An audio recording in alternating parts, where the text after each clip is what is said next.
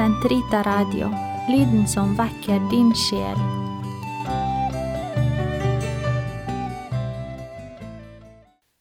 Den katolske kirkes katekisme, uke 42, onsdag 8.11 til 8.19. Kirken er én, hellig, katolsk og apostolisk. Dette er Kristi ene kirke, som vi i symbolet bekjenner som én, hellig, katolsk og apostolisk. Disse fire egenskaper, som er uløselig knyttet sammen, viser til helt vesentlige kjennetegn på Kirken og Kirkens sendelse. Kirken har dem ikke ut fra seg selv, det er Kristus som ved Den hellige ånd gir sin kirke å være én, hellig, katolsk og apostolisk, og det er han som også kaller Kirken til å virkeliggjøre hver av disse egenskapene. Det er troen som alene kan erkjenne at Kirken har fått disse egenskapene fra sitt guddommelige utspring. Men den måten de trer frem i historien på, er tegn som også taler klart til menneskets fornuft. Det første Vatikankonsil minner om dette på grunn av sin hellighet, sin katolske enhet, sin uovervunne standhaftighet, er Kirken selv en stor og vedvarende grunn til å tro, samt et uimotsigelig bevis på sin guddommelige sendelse. Kirken er én det underfulle mysterium om Kirkens enhet. Kirken er én ut fra sitt opphav. Det høyeste forbildet på og opphav til dette mysterium er å finne i treenigheten, i enheten mellom personene, den ene Guds, Faderens og Sønnens enhet i Den hellige ånd.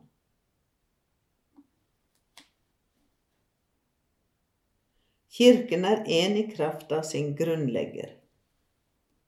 Den menneskevordne sønn, fredsfyrsten, har selv ved sitt kors forlikt alle mennesker med Gud, gjenopprettet deres enhet i ett folk og ett legeme.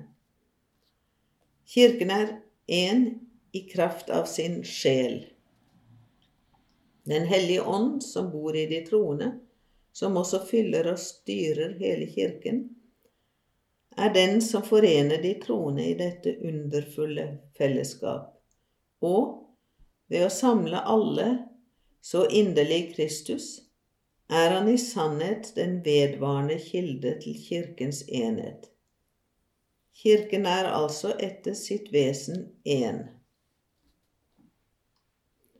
Hvilket forunderlig mysterium! Det finnes én eneste som er altets far, én en eneste som er altets logos, og én en eneste hellig ånd, overalt den samme. Det finnes én en eneste jomfru som er blitt mor, og jeg liker å kalle henne kirke.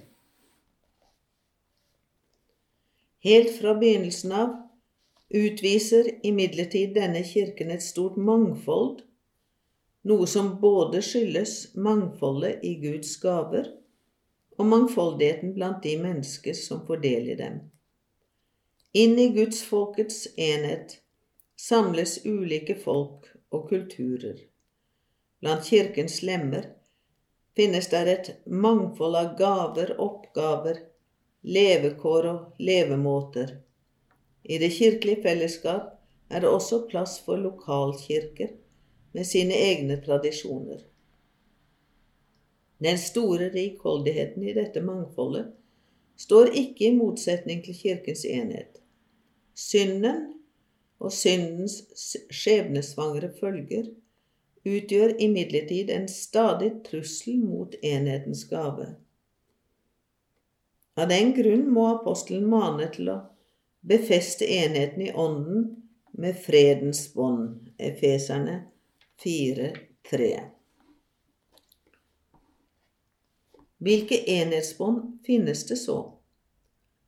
Over alt dette er det kjærligheten, den som binder alt sammen til en fullkommen helhet. Kolosserne 3.14. Men enheten i kirken på pilegrimsvandring sikres også ved synlige fellesskapsbånd.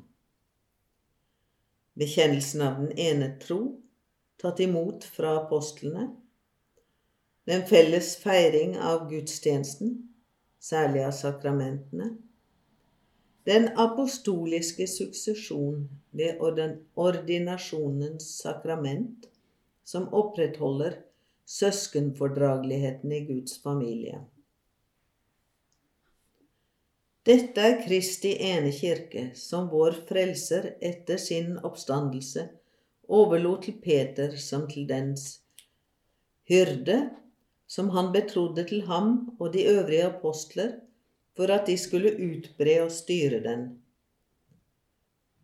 Denne kirke, stiftet og ordnet i denne verden som et samfunn, består videre i subsistit in den katolske kirke, styrt av Peters etterfølger og de biskoper som er i kommunion med ham.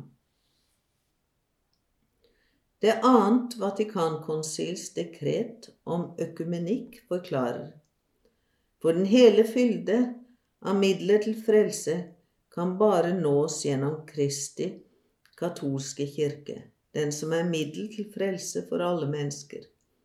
Vi tror nemlig at det er til apostelkollegiet alene, hvor Peter fører forsetet, at Herren har betrodd den nye pakts samtlige rikdommer, for at det skulle dannes ett eneste Kristi legeme på jord, hvor alle som på en eller annen måte alt er knyttet til Guds folk, fullt ut skal innlemmes.